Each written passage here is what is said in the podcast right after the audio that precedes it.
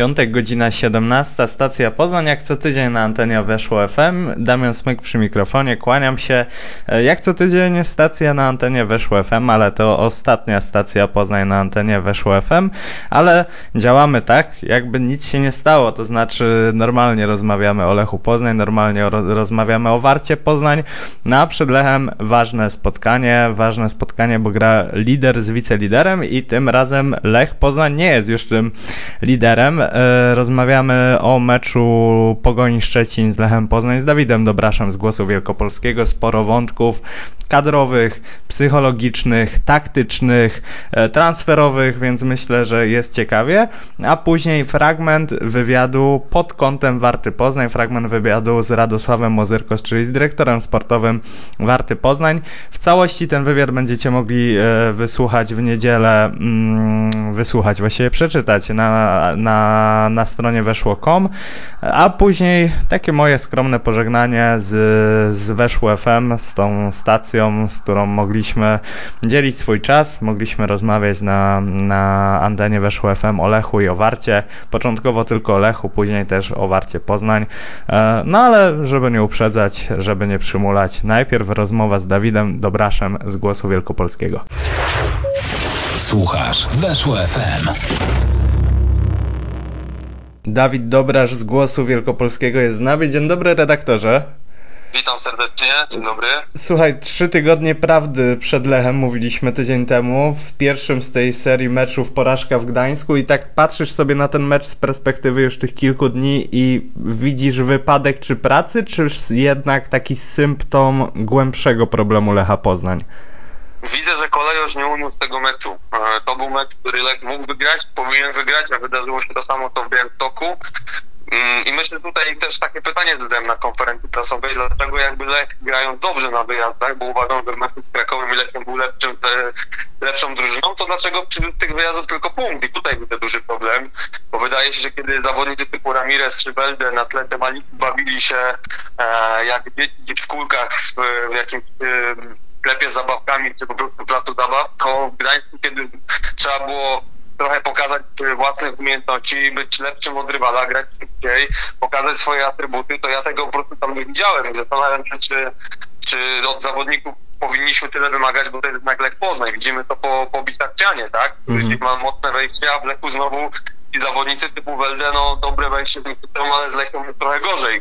Wydarza się taka sytuacja głupio, że znowu z tego fragmentu gry ile wyjeżdża bez punktów. I tutaj myślę, że powinien się zapalić duży alarm, bo tego meczu Lech nie powinien przegrać, a przegrał. I do dzisiaj w sumie się zastanawiam dlaczego, ale tego, co słyszałem odpowiedź Skory na konferencji, to w klubie też nie do końca wiedzą, dlaczego to się stało, tylko po prostu no, przeszli nad tym do, do akceptacji. Moim zdaniem takich meczów Lech nie może przegrywać przede wszystkim, tak? I w Szczecinie też nie może przegrać. Mhm. No, Maciej Skorża też mówił trochę szerzej o tej formie wyjazdowej, no bo tutaj mówimy o, o i Krakowi i on na tej konferencji mm, upatrywał tego problemu trochę w zachowaniach pod bramką rywala, że jednak przy bułgarskiej Lech jest taki bardziej kliniczny, bardziej wyrachowany, może nawet bardziej cierpliwy. I ty też jesteś tego zdania, że to jest największy problem w tych meczach wyjazdowych, że jednak Lech pod bramką rywala, nie wiem czy powiedzieć, panikuje, ale jest taki mniej cierpliwy i to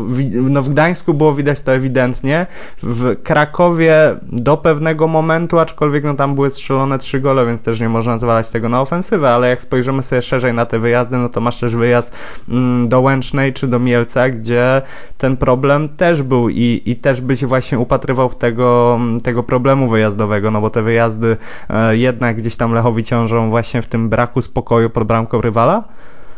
Znaczy to jest jeden z aspektów. Ja myślę, że na to trzeba spojrzeć szerzej, bo tutaj to, co powiedzieli, to co powiedział trener Skorna, ja się zgadzam, ale no nie może być tak z jednej strony, tutaj patrząc z perspektywy poznańskiej, mhm. że Lech e, w meczach wyjazdowych traci 14 goli. Mhm. No bo patrząc na metę u siebie, teraz powiem z głowy, Lech chyba u siebie stracił, nie wiem, 3-4 gole, tak, z Pogonią, z Górnikiem Zabrze i chyba kimś tam jeszcze, tak? Wisą Płoc, no to są trzy gole, jeśli się nie mylę. Mhm. E, no a na wyjeździe 14 goli, tak? Potem jeszcze patrzę sobie na te dwa ostatnie mecze, tak? I te bramki wpadają dla rywala w ostatnim kwadransie. To się wcześniej nie zdarzało. E, z Górnikiem Zabrze prawda jest taka, że ten mecz mógł pójść w jedną, a w drugą stronę. To był akurat mecz u siebie. E, ale też pamiętam mecz Zagłębie, gdzie były takie wyłączenia Lecha tak, Poznań tak. na tak? Tego nie rozumiem. Skąd to się bierze, że jedziesz na ten wyjazd, nie masz fajny wynik, to 0-0, kontrolujesz ten mecz i masz taki pokój, że to się albo jest panika właśnie z drugiej strony, że to się skończy tak jak wiem w Stoku czy w Gdańsku, no bo to, to, to się nie powinno zdarzać. Jak patrzymy na Pogoń, Pogoń z 11 meczów jest niepokonana, tak? Mhm. Ale może u siebie zagrać koncert z Niekieczą, ale może potem pojechać na wyjazd i przegrać. No też mówię, nie robię dramatu tej porażki w Gdańsku, bo tak na chłodno to mam wrażenie, że ten mecz z Krakowem jest bardziej bolesny. Bo jednak przegrać na terenie czwartej drużyny w lidze obecnie, nie mając Iczaka i Amarala, okej, okay, to się może zdarzyć, dlatego powiedziałem, że nie powinieneś przegrać takiego meczu w tej sytuacji, tylko dobyć to 0 0 mieć drugie czyste konto z rzędu, podbudować się, a prawda jest taka, że Lech w tych meczach strzelił stałe e, gole z tego fragmentu kuli, to też jest problem. Mhm. Problem jest to, czemu Lech gra tylko do 16, potem jak już będzie tą 16, czemu nie wykorzystuje tych sytuacji, no to się dzieje tylko na wyjazdach praktycznie, tak? Mhm. No i tutaj mam, nie, nie, wiem, nie wiem jakby z czego to wynika. Zastanawiam się nad tym, bo widzę kilka aspektów, tak jak powiedziałem, jakieś zaćmienie w drugiej połowie, potem pod koniec. Może te zmiany też rozległy, po prostu wziąć wpływem na zespół, tak? I no, no nie wiem, no myślę, że problem jest szerszy i będę to obserwował, ale no mówię, ten początek na pewno jest nerwowy może to jakaś nerwowość się mhm. zaczyna wkradać poczenia Lecha na wyjazdach. Mhm. No Maciej Skodrza nie chce póki co uderzać pięścią w stół i on też mówił, że bardziej reagował tak, tak pozytywnie, jednak analizując te spotkania, wyciągając wnioski, ale nie, nie rzucając korkami po, po szatni, nie wściekając się tym wszystkim i no patrzymy teraz na ten drugi z tego, z tego maratonu meczów prawdy, poprzeczka idzie wyżej, poziom trudności rośnie i tak się zastanawiam, ty traktujesz Lecha jako faworyta tego meczu z Pogonią Pogonią, czy jednak widzisz faworyta właśnie po stronie szczecińskiej? Minimalnie uważam, że Lech jest faworytem tego spotkania, ale z drugiej strony Lech może tym meczem więcej przegrać niż Pogoń. Mhm. Bo też mieliśmy taką tam wymianę z, z kolegą Danielem Trzepaczem na Twitterze, bo on napisał, co Pogoń może wygrać, tak, tym meczem. Czyli to, że w Poznaniu będzie nerwowo, że Pogoń będzie zależna od ciebie, że zrobi cztery punkty przewagi. No i ja mam pytanie, a co będzie jak przegra? No i sobie padła odpowiedź, że wróci do stanu przed ostatniej kolejki, tak? No to, mhm. to nie jest duża strata, tak? Nawet jeśli Pogoń ten mecz przegra, mentalnie okej, okay, zdarzyło się, Pogoń nie przegrała z 11 spotkań, kiedyś musi przegrać. Pogoń w ostatnich 8 spotkaniach zawsze traciła gola, więc mm, jeśli Lech pierwszy zdobędzie bramkę, to wydaje mi się, że tego meczu nie przegra. I, I ten mecz może być paradoksalnie takim spotkaniem, które gdzieś zadecyduje o tych najbliższych kolejkach, a sami tutaj mówiliśmy o tym, że te najbliższe kolejki są bardzo ważne dla Lecha. Mhm. I no, nie może Lech tam po prostu przegrać. I uważam, że jest minimalnie faworytem tego spotkania, bo jednak łatwiej e, mimo wszystko moim zdaniem będzie zastąpić Mikaela Iszaka w ataku, mhm. jego nieobecność potencjalną, niż na przykład brak cecha czy Tranta Pelopulosa w środku obrony e, pogoni.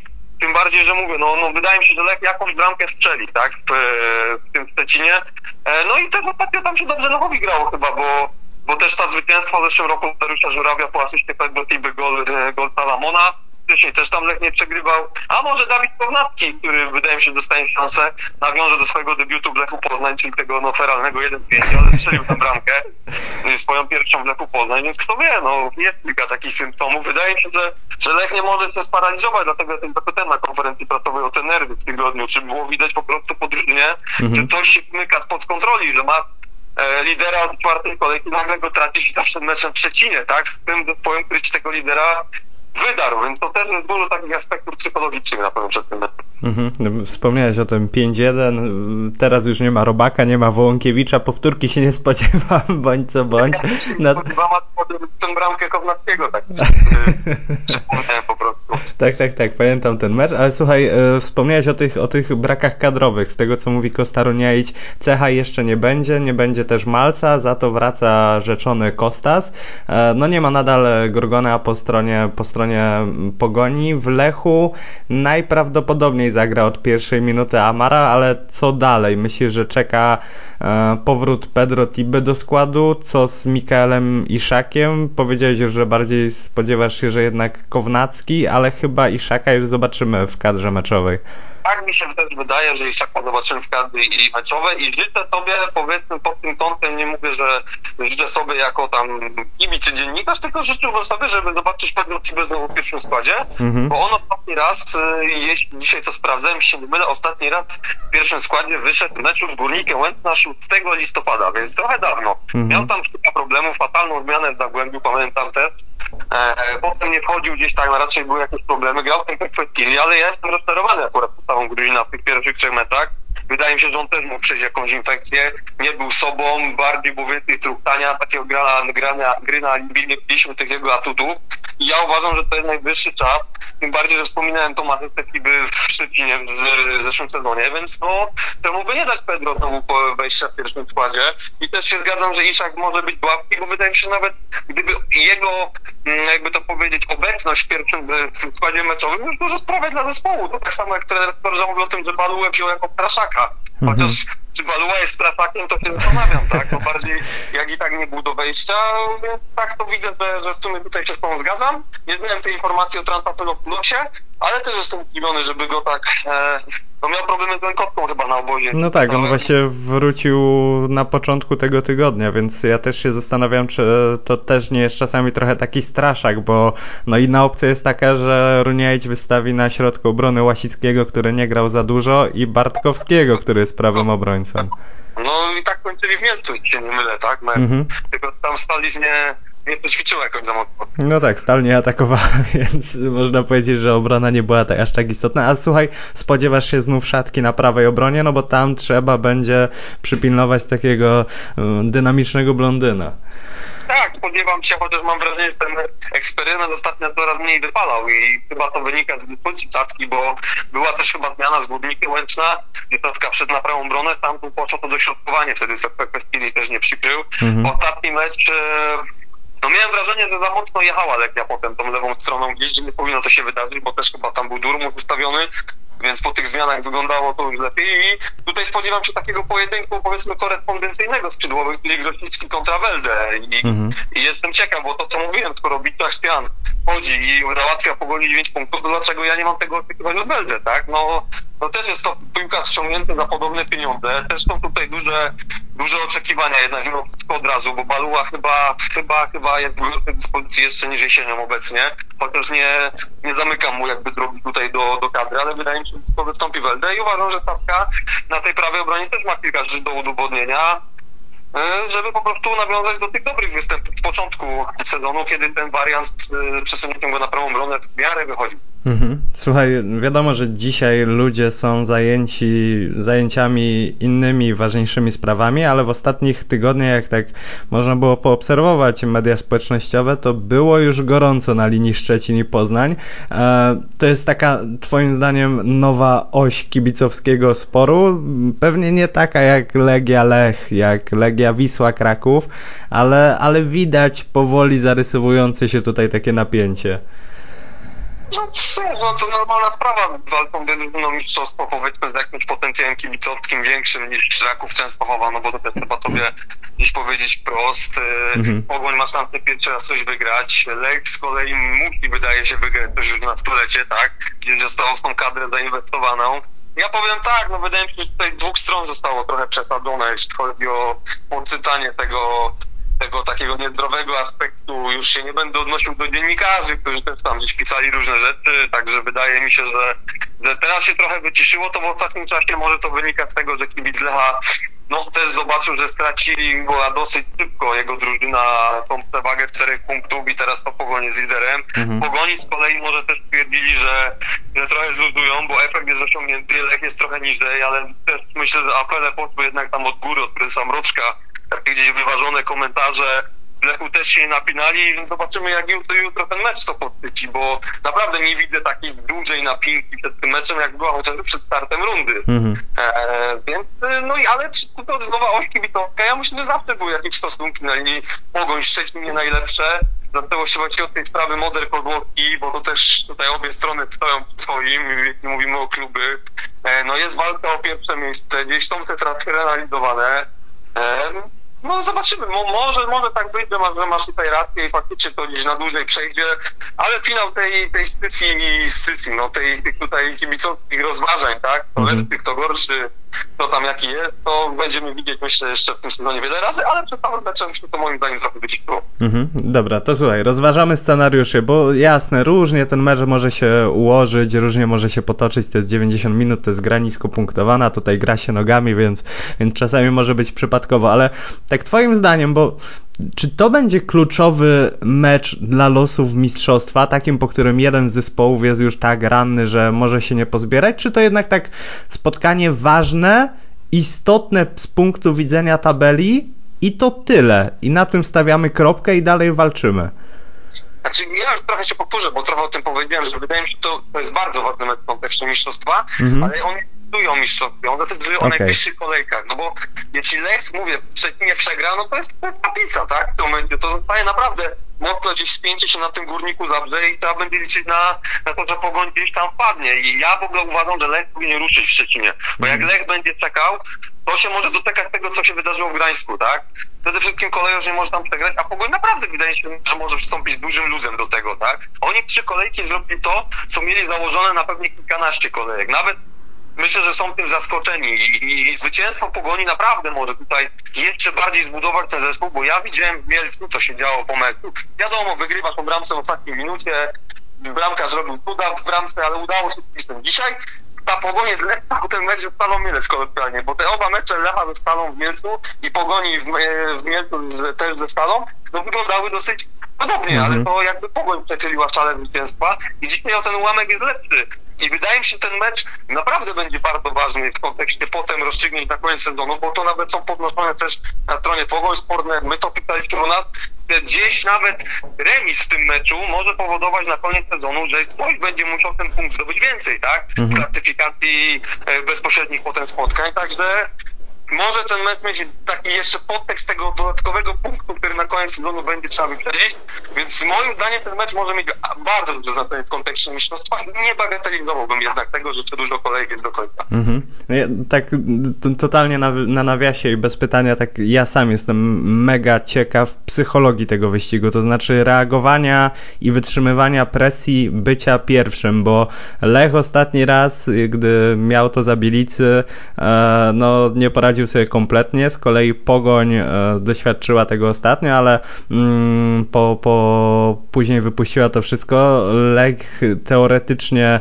e, powinien być mocniejszy w tym wyścigu, gdy, gdyby był pierwszy, no bo e, on cokolwiek wygrywał, ale z drugiej strony to Pogoń ma zawodników, którzy wygrywała więcej, więc możemy się tutaj przerzucać argumentami i tak dalej, i tak dalej. Sam jestem mega ciekaw tego, jak to się będzie układało, ale tak powoli kończąc, temat transferowy wraca. Dzisiaj się się mówi o tym, że Mateo Pawlowicz e, z Angers może trafić do Lecha Poznań jako, jako ten czwarty stoper. Ty spodziewasz się jeszcze jakiegokolwiek, nawet nie mówię o Pawlowiciu, ale jakiegokolwiek e, ruchu transferowego do Lecha Poznań przed zamknięciem okna transferowego, czy, e, czy już tutaj klamka zapadła, drzwi są uchylone, prezes Rutkowski schował mm, długopis do szafy i nie będzie go wyjmował?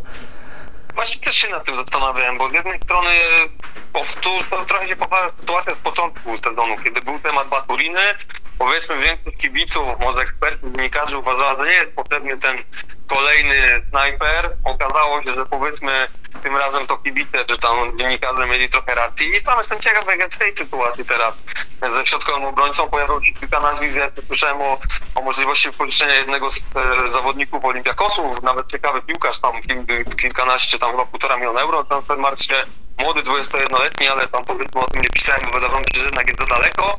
Mhm. E, no był ten, ten temat Łukasza Bejgera, teraz nie powiem o tym zawodniku, jeszcze nie widziałem co to jest za temat, nie słyszałem nic, nic na ten temat. I ja się nie dziwię jak się pojawi, i nawet mam wrażenie, że lekko go szuka, bo jednak Maciej Skorża też e, naciska, żeby ta kadra była no nie na 98% gotowa, tylko na 100%, tak? Jak nagle się, nie wiem, coś wydarzy, co komuś no bo gdyby dzisiaj doszło do jakiejś poważnej kontuzji, tego oczywiście nikomu z Lecha Poznań, do Piotra Obrony nie życzę, no to zaczniecie spoglądanie w kierunku Mateusza Skupczaka i Maxa, Maksymiliana Pingota, tak? Mhm. A to są zawodnicy, którzy pewnie bardziej będą grali w rezerwach. No sam się zastanawiam, wydaje mi się, że może coś tu się jeszcze wydarzyć, tak mnie zaczyna noc po prostu spędzić. Może my wcześniej będziemy jakiś, e, jakiś tutaj zwrot tej akcji, bo jeszcze zostanie kilka godzin do zamknięcia okienka transferowego w Polsce. Może ten temat właśnie wzięcia kogoś tym razem na wypożyczenie, do czego Lech odszedł, ale może w tej sytuacji, że mieć taki spokój, to weźmie gościa z drugiej ligi francuskiej, czy jest to jednolatka po prostu, żeby podnieść się to doświadczenie. E, więc jest, jest to możliwe. Nie wykluczam tego, aczkolwiek e, osobiście sumie tak dosyć zawiła to odpowiedź. Nie, spo, spodziewam się jednak może, że to przyjdzie, ale nie dziwię się, jak jednak ktoś dołączy do Lecha. No dobra, to na koniec, jakiego wyniku spodziewasz się w Szczecinie? Spodziewam się, że oba, obie drużyny mm, strzelą gola Mhm, i bym powiedział może 2-1 dla Lecha, 1-1, okej. coś takiego. Ale jak mam zdecydować, to dam 1-1. Dobra, to ja właśnie chciałem w ten sam kierunek pójść, tak czy siak będę strzela... jak będę obstawiał to na BTTS-a, więc, więc podobne kupony może mieć w takim razie. E, Dawid Dobraż z Głosu Wielkopolskiego był z nami. Dawid, pięknie Ci dziękuję. No Damian, jeszcze słówko, jak mogę, Mhm. to, to chyba jest ostatnia Tak jest, ostatnia stacja na Weszło FM. No to bardzo tutaj chciałem podziękować też za zaproszenie i też mieliśmy okazję kilka tworzyć tych stacji, także miło było. Pozdrawiam wszystkich słuchaczy serdecznie, może do zobaczenia czy do usłyszenia na innej platformie. No i wszystkiego dobrego wszystkim kibicom Lecha Poznań i, i takich audycji życzę im, żeby siebie się powtarzały, bo to na pewno ciekawe zawsze było dla kibiców kilka merytorycznych uwag. Też kibiców, kiedy zapraszaliśmy tutaj, pamiętam, był taki moment, także wszystkiego dobrego i dzięki za zaproszenie raz jeszcze i powodzenia. Dzięki piękne. Słuchasz Weszło FM. Poznań teraz o Warcie Poznań. E, Przed Wami krótka, pięciominutowa zajawka wywiadu z Radosławem Mozyrko, dyrektorem sportowym Zielonych. Całą rozmowę będziecie mogli mm, przeczytać w niedzielę na weszło.com. Wtedy cała ta rozmowa zostanie opublikowana. Natomiast e, wątków jest sporo, bo rozmawiamy nie tylko o transferach, e, ale też o, o filozofii budowania kadry, o tym, jak ten zespół miał wyglądać, czy to się udało. Mm, To, co zaplanował dyrektor Mozyrko, też rozmawiamy o szansach na utrzymanie, ale i o Dawidzie Szulczku, który, e, który się sprawdza, który nie ma co ukrywać, sprawdza się i jest taką nadzieją warty Poznań na utrzymanie. Zatem teraz ta pięciominutowa zajawka tego wywiadu. Weszło FM. Najlepsze radio sportowe. Patrząc na to, co macie na dzisiaj, to jako dyrektor sportowy Warty Poznań jesteś zadowolony? To znaczy, jak planowaliście to okno, to ono miało tak wyglądać, czy, czy było, była inna koncepcja i to wszystko wyszło w praniu? Mm, Nie no, planowaliśmy sporo ruchów przychodzących i wychodzących. Mhm. Wiadomo, że na liście na początku górnej miałem Polaków. Mhm. Może niekoniecznie na każdej pozycji, bo dziewiątka, no to czy napastnik to jest No to w dość, Polsce to... e, dość tak naprawdę tylko dwa nazwiska mnie interesowały. Mhm. E, Szymon Wodarczyk i Musiolik.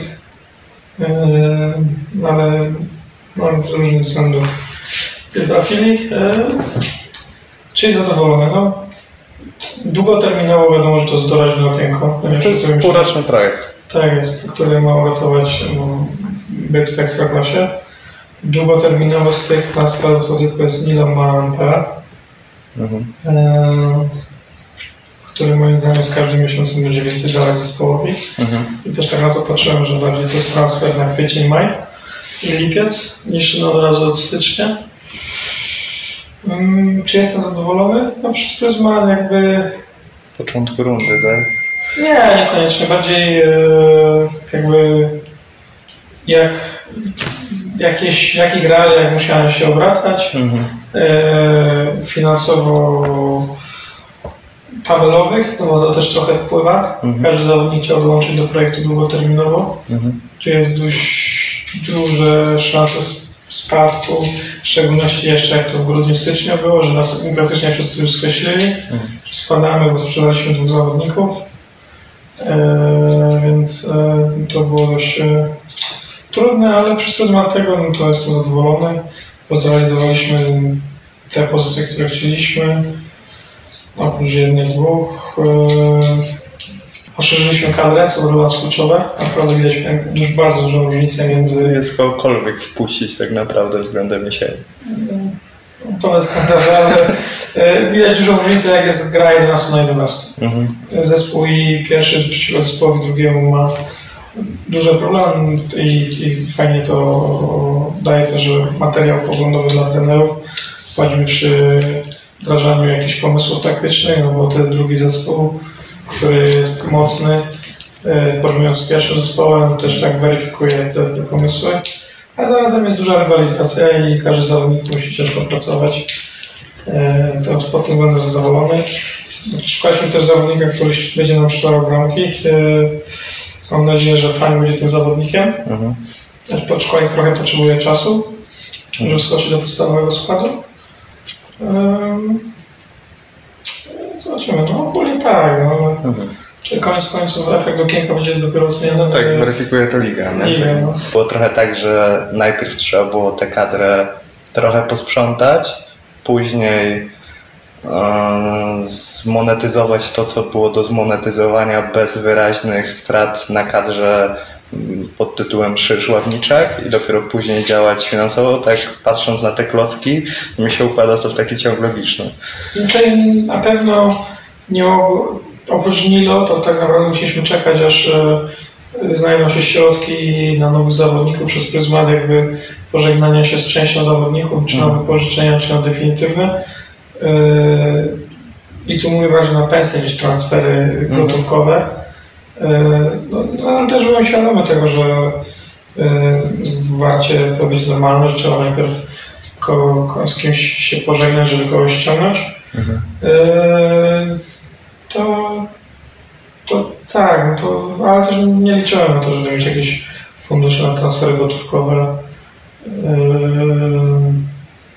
w tym okienku, aczkolwiek z jednym zawodnikiem rozmawialiśmy, że musielibyśmy za niego zapłacić, bo to była opcja wypożyczenia z obowiązkiem wykupu, jeśli się utrzymamy, Mhm. no ale na koniec końców do nas nie trafił, więc, e, więc e, większość tematów, znaczy większość jest większość tematów, zobacz, e, duża część tematów była albo wypożyczenia z wykupem, Mhm.